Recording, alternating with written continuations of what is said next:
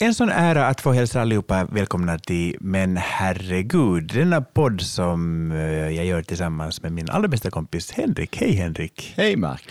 Vi har mycket som skiljer oss åt. Du är väldigt ordningsam och prydlig. Jag är väldigt kaotisk och stökig. Men vi har en sak som binder oss samman. Vi har båda ångest för att packa. Ja, och det värsta är att den, den blir större. Mm. Och att det handlar ju egentligen om att räkna ut vad jag ska göra och därmed ha på mig och ha med mig. Alltså att planera sina närmsta dagar. Och det, hemska är att fast vi vet att det räcker med att vi tar med kreditkort och passet, så kan man ju i regel köpa allt när man är på plats om det skulle behövas. Men Ja. hjälper det oss i vår ångest? Nej, det är det det inte gör. Så jag undrar om det är någon slags tvångsmässighet i att behöva besluta vad som kommer att hända. För jag vet ju min lilla syster som du också känner, hon äger ju sitt öde, sin tid. Det som jag stoppar ner i två hockeytrunkar under en weekend, det tar hon ju ner i en tändsticksask Mm, för hela familjen och då har hon ändå fem barn. Och jag kan alltså, jag, kan, jag, jag åkte till Grekland och hade ångest en vecka innan och slutade med att jag packade sista tio minuterna. Var jag, på, var på jag landade i Grekland med två benvärmare av kamelhår, men inga simbyxor. Förstår du? Att- Alltså det, att, att det blir ju, alltså ångesten besannar ju sig själv genom sin hopplöshet. Ja. Och när jag någon gång prickar en packning för att jag tror att det är att jag vill ha det till en ekvation, att det går jämnt ut. Så det bästa som kan hända är att komma hem. Alla kläder som är smutsiga ska ligga i en påse och vara använda. Skjortan, t-shirten, den, den, den. Då kan jag känna någon slags frid. Men å andra sidan så gör det att nästa gång jag ska packa så lägger det på ytterligare lite press och att man sparar det senare och senare och senare. Men eftersom vi nu är som vi är så är det bra att vi har gäster som är lite mera huvudet på skaft helt enkelt. och därför välkomnar vi tillbaka från förra veckan vår underbara gäst Agnes Wold. Hej Agnes! Hej! Men är du bra på att packa? Ja, alltså relativt. Fast jag tycker jag har blivit lite sämre på det. Men när jag var ung så var jag väldigt sådär inne på att man skulle ha en minimal packning och den skulle vara så uttänkt och man kunde hålla den i handen. Man hade en liten, liten väska och så. Men ehm, jag har blivit värre och, och, och, just det, och det är oändligt tråkigt förstås. Alltså det, det är oändligt tråkigt trots att det borde ju inte vara det. Så att man skjuter ju upp det som sagt var. Ja. Och så tänker man varför, ehm, varför gör jag det då? Eftersom när man skjuter upp så glömmer man ju alltid. Alltså jag glömmer ju alltid antingen nattlinne eller tandborste eller hårborste eller deodorant. Det är de fyra grejerna då, som jag alltid glömmer minst en eller två av. Då, va? Om man packar under lite längre tid då kommer man ju ofta på det där att jag skulle ha en hårborste också. Ja, går man, Som ett levande dokument. Väskan ska stå där och ropa på det lite grann då och då. Ja, det är ju bättre. Men eftersom jag ty- tycker det är väldigt tråkigt så blir det ofta så att... Jag vet att jag kommer ihåg att en arbetskamrat en gång berättade att hon började packa en vecka innan. Alltså en vecka innan hon, hon reste. Och då, och det, så det var säkert, alltså den var säkert stängd ett dygn innan den här väskan. Va? Och så tänker man, liksom det, det är ju en helt annan art av människor. Liksom. Ja, men för att det går ju inte heller, för då, då, då, då står ju där väskan där öppen som en skrikande ångestpåminnelse om att snart ska du åka iväg. Och hur kan man veta vilka kalsonger man vill ha imorgon? Det måste Ja. först bli imorgon så man kan känna vilken dag är jag idag. Men det slutar ju med att du är där och så har du inga kalsonger alls. Nej, Det är ju det som är det hemska. jag har skjutit upp det. Min fru som reser väldigt mycket i perioder eftersom hon tävlar i hästhoppning. Jaha. Hon struntar i att packa upp ibland och bara låter väskan stå Ja, kvar. visst. Men ehm, det här är ju ett program i huvudsak som handlar om tro. Hur, hur är då packning kopplat till tro? För jag kan, jag kan tänka så här. Eh, kan Gud inte, föder ju liljerna på marken Ja, ja, och klär dem. Skulle jag behöva packa? kan man inte bara liksom se, tänka så här att men nu lägger jag det i. Guds hand? Liksom, Ja, att, han, att, att jag får kanske kalsonger när jag kommer fram. ja, men lite Utvandrarna, när han eh, Daniel, när ni sätter foten på amerikansk mark så kommer ni att prata amerikanska. Ja, Men fast som igår när vi kom till Göteborg, Henrik, Mm. vad hände? Jo, mina byxor, men knappen rök. Och det var inte för att jag blivit fet, för det jag faktiskt inte. Utan, och jag grejen att de är redan för stora för mig, byxorna. Men nu när knappen rök så ramlade de av mig. Men vad säger Henrik då? Men vad konstigt. Jag har ett extra bälte med mig. Så hade du det. Jag vill för övrigt tacka för imitationen av mig, den var väldigt lik. Ja. Men det var helt otroligt, så det var verkligen ett beslut av att inte kunna ta beslut. Vilket skärp ska jag ha med mig? Ett svart eller ett brunt? Ja, jag tar med bägge. En, ingen kommer ändå se att jag inte är förmögen att, att bestämma mig. Och då sitter Mark och eh, så gott som utan byxor står bredvid min bil. Och Ja. då har jag ett skärp extra. Men det, det, här- det här är nu för mig en evig påminnelse om att nu, i framtiden så ska jag sluta ha packningsångest. Så ska jag tänka, ja, ja, Gud fixar det. Men jag tror att eh, den, eh, den religiösa i packningen nog handlar om att vi måste ta beslut om vår framtid. Vi stänger vägar. Det är nog det. Tänk om jag blir bjuden på ett cocktailparty där de förväntar sig att jag ska ha vit smoking. Och så kommer jag i träningskläder. Eller jag har packat det i alla fall. Mm. Nu, det här att lägga allting i Guds hand, jag tror inte riktigt ligger Agnes Wold i, i, fa- i läpp, på Nej. läppen.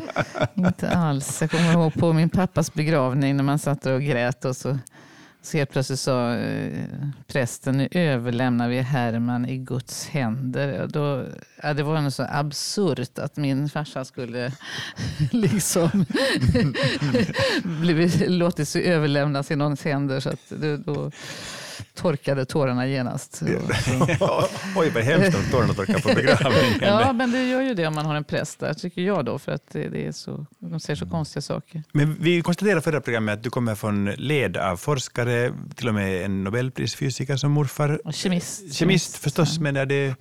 Fysikalisk kemi. för sig. Alltså, så Mm. här, så här, jag tror på Gud, men jag tror inte så mycket på kemi. Det, det, det, är en del av mitt dilemma. Och, och det är därför Oh. att, att, att min, min kemifröken var från Skåne och eh, jag bodde i Finland och vi fattade inte vad hon sa. Och hon, och, och, och dessutom, hon, hon berättade vad det handlade om. Hon sa att vatten hette högt.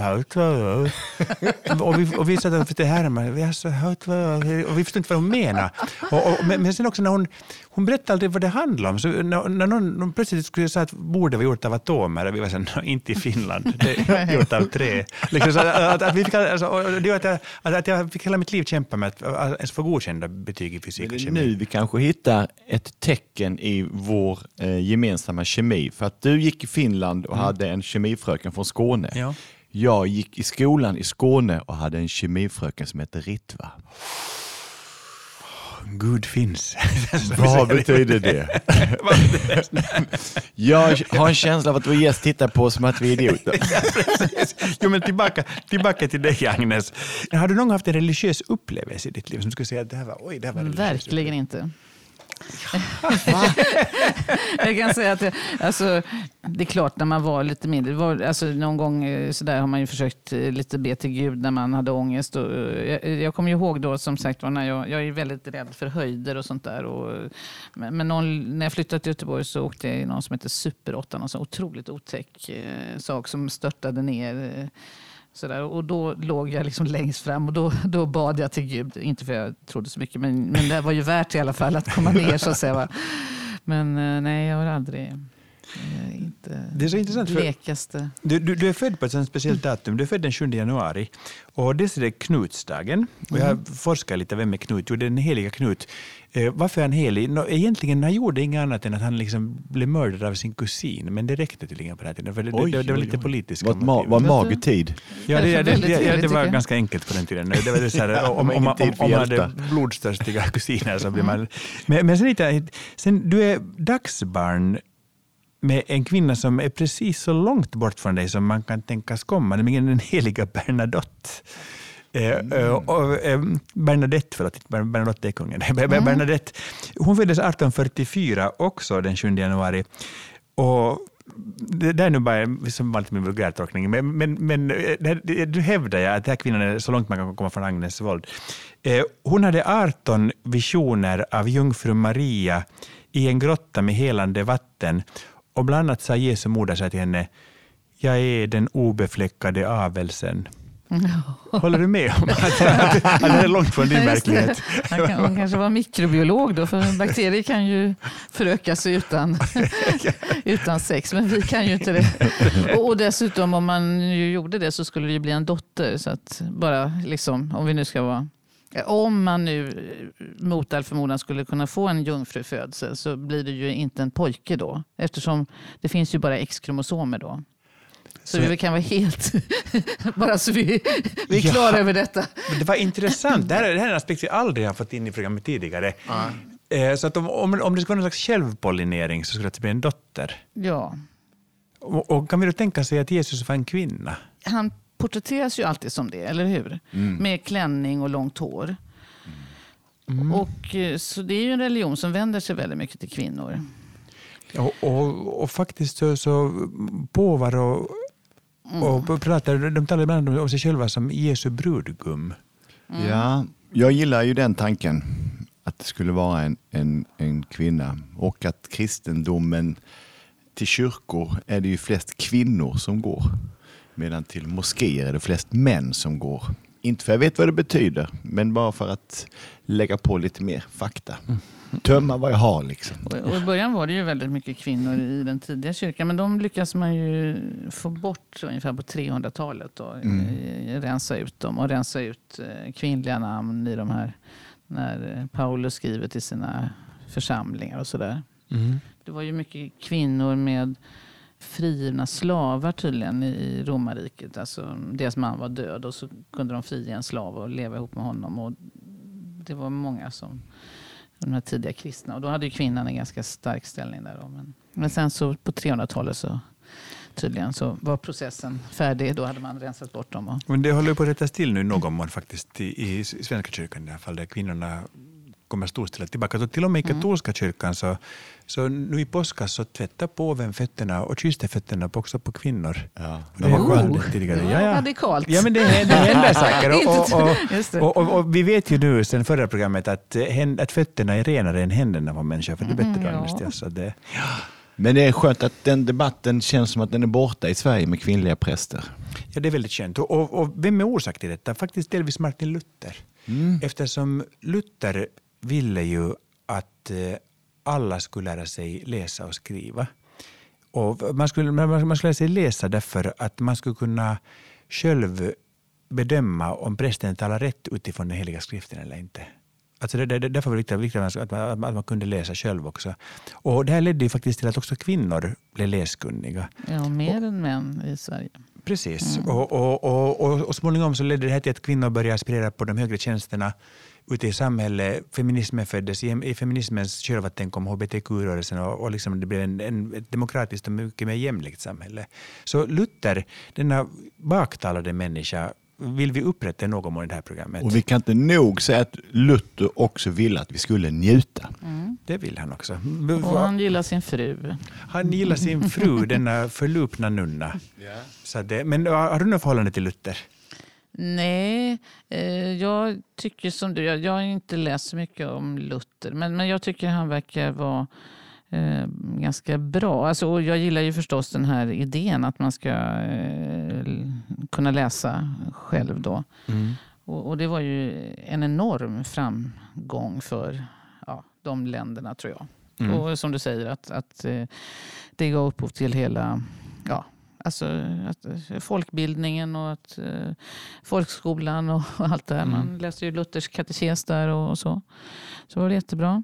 Eh, jag tror att eh, möjligtvis att det är han som, den här eh, tanken om nåd. Som, eh, som sagt jag är inte alls religiös, men jag tycker det tycker jag är ett väldigt bra begrepp. Då, som jag tycker man kanske skulle ta fram lite mer idag. För jag tycker det, det är så tvångsmässigt mycket idag. Man ska göra si och så, det ska vara perfekt och man, man dömer folk. och Det, det är lite onådigt idag tycker jag. Mm.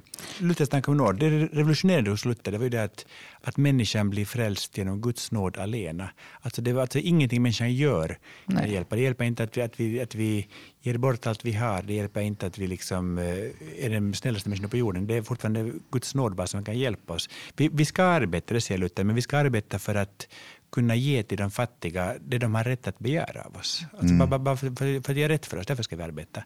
Men vi ska inte arbeta ihjäl oss, det ska vi absolut ingenstans. Liksom, att, utan vi ska också njuta, tycker han. För det är väldigt intressant att tänka på nåd nu när vi har så snabbt när, vi har, när det går så fort att tala om för någon annan att de har fel och sen skrika på att de ska avsättas, kan du sitta kvar, få sparken. Ja, och alla ska ändra sig och man ska gå på mindfulness och man ska gå på KBT. Och man ska, alltså det, det är så otroligt mycket. Eh, och man ska göra om sig. Alla ska bantas eller möjligtvis ska de få mer muskler. Eller, eh, alltså det, det, det är ju otroligt lite som man får eh, bara... Eh, eh, saker och ting får vara i fred. Liksom.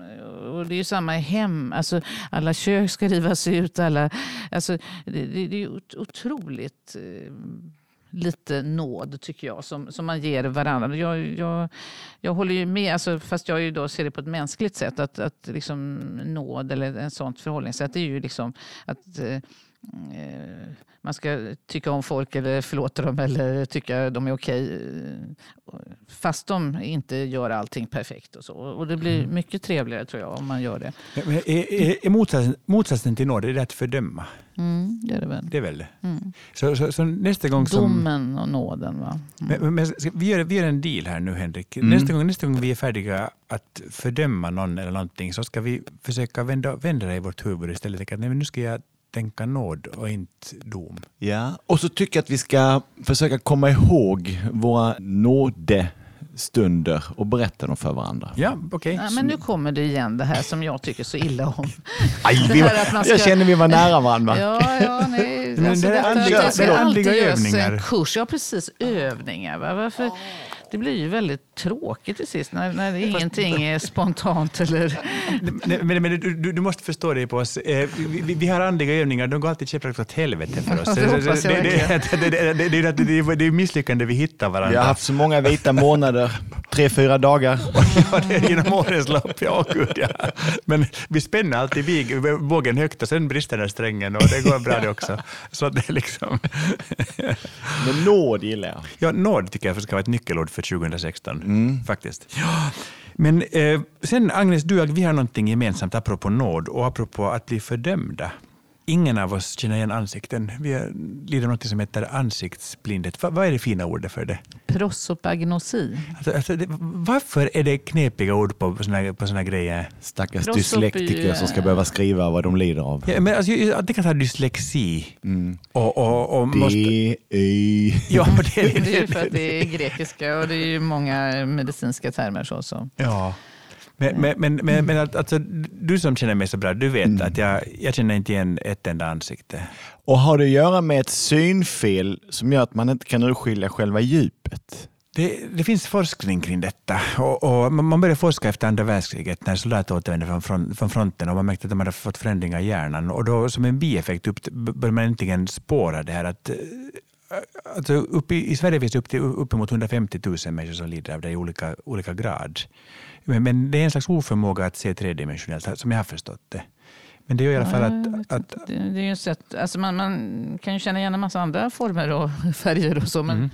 det är väl så att, jag har inte alls studerat henne särskilt, men eh, att i den mänskliga hjärnan så, så för många just se ansikten, det går till på ett helt annat sätt än när man ser allting annat. Liksom. Utan det är en särskild liksom, att snabb, snabbkoll, alltså snabb, snabb sätt då som, som gör att ett ansikte känns igen på ett helt annat sätt. Men, men jag gissar att det är, är just det sinnet då, att, att göra det här på något jättesmart eh, automatiskt sätt som inte fungerar. Alltså det, Jag- det, det, det var en läkare som, för, som förklarade för mig att, att, att i vanliga fall så skannar hjärnan ett ansikte utifrån liksom håligheter och djup och, och liksom näsan och, och saker.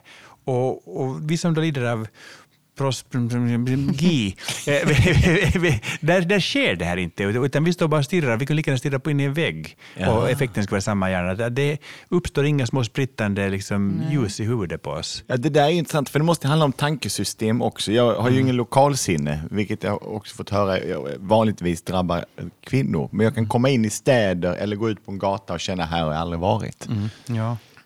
Ja, Men- jättebra lokalsinne. Jag, jag kan ju hitta på ställen jag aldrig har varit däremot. så min man säger, jag är brevduvare. Här, så, ja. Men, men jag, jag, jag, jag var med så här, Men- typ, men, men um, för länge sedan så hade UD hade middag för att Finlands eh, utrikesminister var på besök. Och då blev jag bjuden för att jag nu är från Finland, det räcker i det sammanhanget. Så här, Och, och, och, och det var trevligt och så, och så efteråt så var det middag och mingel. Och middag och mingel är livsfarligt. Mingel är livsfarligt, för det kommer för mycket människor och du liksom kan inte skydda dig. Och så stod jag och pratade med Ulrika Hydman Wallin. Och hon, hon är ju så här, gjort, hon, hon- henne- hennes eh, karaff var med i den här serien Friends. Jag var väldigt imponerad av detta. Så jag sa till henne att du gör så mycket bra saker. Och hon sa tack så mycket, så hon blev glad.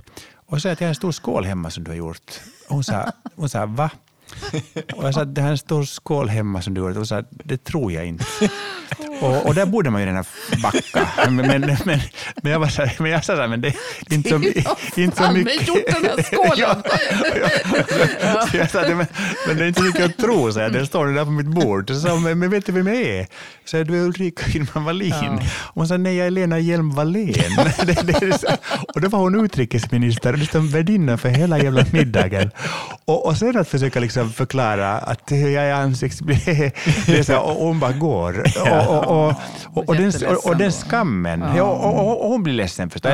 Nu, Jag vet inte om hon blir ledsen eller om hon bara tänkte att vilken idiot. Men, men, men, men, men, men där, där, där, är vi just inne på det här med nåd igen. Att det är, vi som är ansiktsblinda, vi bryr oss inte alls mindre om människor. Det är, handlar inte om det. Jag älskar människor. Och jag är trött på att folk, folk tror att man, är liksom, att, man, att man inte bryr sig. Men, men vi kan inte. Det går liksom Nej, inte. att det kan kopplas till någon slags nonchalans eller att människorna i sig inte har gjort tillräckligt avtryck för att Ja, det man tror är alla. Och det är för att vi lever i den här psykologiserande eran i Sverige. Så att, um, allting tolkas ju utifrån någon sorts mm, psykologisk... eh, ja, Mm. Som psykologin var för 50 år sedan. Och, och, och så tror folk att till exempel att alla föds eh, likadana och det är ansträngningen som gör ifall du blir duktig på det och det. Och det är ju så typiskt Ja. psykologiserande tänkande. Men allting tyder på, all, all, all ny forskning tyder ju på att de flesta drag är väldigt genetiskt, alltså till hälften eller mer ofta genetiskt styrda. Så man föds ju på ett visst sätt. Då. Och, och sen så är det då, eh, påverkas ju delvis av eh, vilket umgänge man väljer. Men det, det är ju också du själv som skapar det. Så det här blir ju en liksom, eh, ja, fortsättning på det hela. Då. Kära lyssnare, när ni träffar Agnes och mig nästa gång och vi beter oss som riktiga fån, så tänk då nåd och inte fördömande. För vi Det är bara av- att sträcka fram handen och säga namn och vad ni såg senast. Ja, och, och det ni absolut inte får göra, ni får inte komma fram och säga hej, kommer du ihåg mig? För det är som att spotta oss i ansiktet. Ja, då blir för, vi att, kränkta. för att Mark kommer i alla fall svara ja. Ja, jag. Eller, kommer ihåg. Man kommer att glida. Men ah, vad händer när vi dör, Agnes? Ja, dödsbegreppet i Sverige nu det är ju när hjärnan slutar funka. Förr var det ju hjärtat. Och sen så, eh, i och med att hjärnan slutar funka så slutar ju allting att funka. Och så det blir ingen, inget blodomlopp och, och cellerna får ingen näring och de börjar då släppa in det som finns utanför. Och, och Och själen? Mm, Ja, den... det, det är inget begrepp jag använder mig av. Men eh, tankarna är väl... eh, Alltså det, när hjärnan slutar fungera så kan du ju inte tänka längre. Och sen så ruttnar det bort då. Så allt går bara ner i svart helt enkelt. Ja, det gissar jag. Om det blir svart eller vitt, så det vet jag inte. Men eh, när man dör, det är ju svårt att veta. Skulle du vilja att det blir svart eller vitt, Henrik? Svart tror jag. Det är lättare att tänka när det är mörkt. Men jag tänker ju att vitt bländar, men det kan du inte göra om man inte ser. Men um, jag Men, fick men, välja. men jag tänker ändå att vi skulle tänka i det svarta, men det är ju uppenbarligen hjärnan. Men, men, nej, men, nej, nej, nej, jag kan inte gå med på det. Jag känner, Vad jag, säger du, jag, vitt då? Nej, nej, nej, nej, men att jag, jag tänker svart därför att jag tänker väl att döden också är en vila. Och Mm. att vila i vitt, då blir man ju pigg. Men alltså nu går ju det här väldigt fort så jag tycker det spelar väl inte så stor roll. Den där, den där sekunden liksom om den blir vit eller svart. Eller jag är lite krass här då. Men... Ja, för man kan väl säga att det är svart när man blundar i alla fall. För det kan jag ibland bara göra för att jag tycker det är så skönt att stänga av några. Jo, Men det är ju för att du lägger ögonlocken framför pupillen. Så det är Ja. inte så konstigt. Men däremot när man svimmar, eh, nu har jag aldrig svimmat, men, men varit på väg att svimma och då blir det väl svarta fläckar, eller hur? Ja, och mer och ja. mer och så blir det väl svart. Va? Ja, med någon lila. har jag upplevt Nej, som. ja. När, när vi vaknade i morse på vårt hotellrum här, minns du vad det första du sa till mig var? Att sömn är gott. Eller sömn är en god idé. Ja! Och, och, så, och, och, nu, nu ser det samma sak att när vi väl ligger eh, där, så är det är svart för då kan man tänka bättre.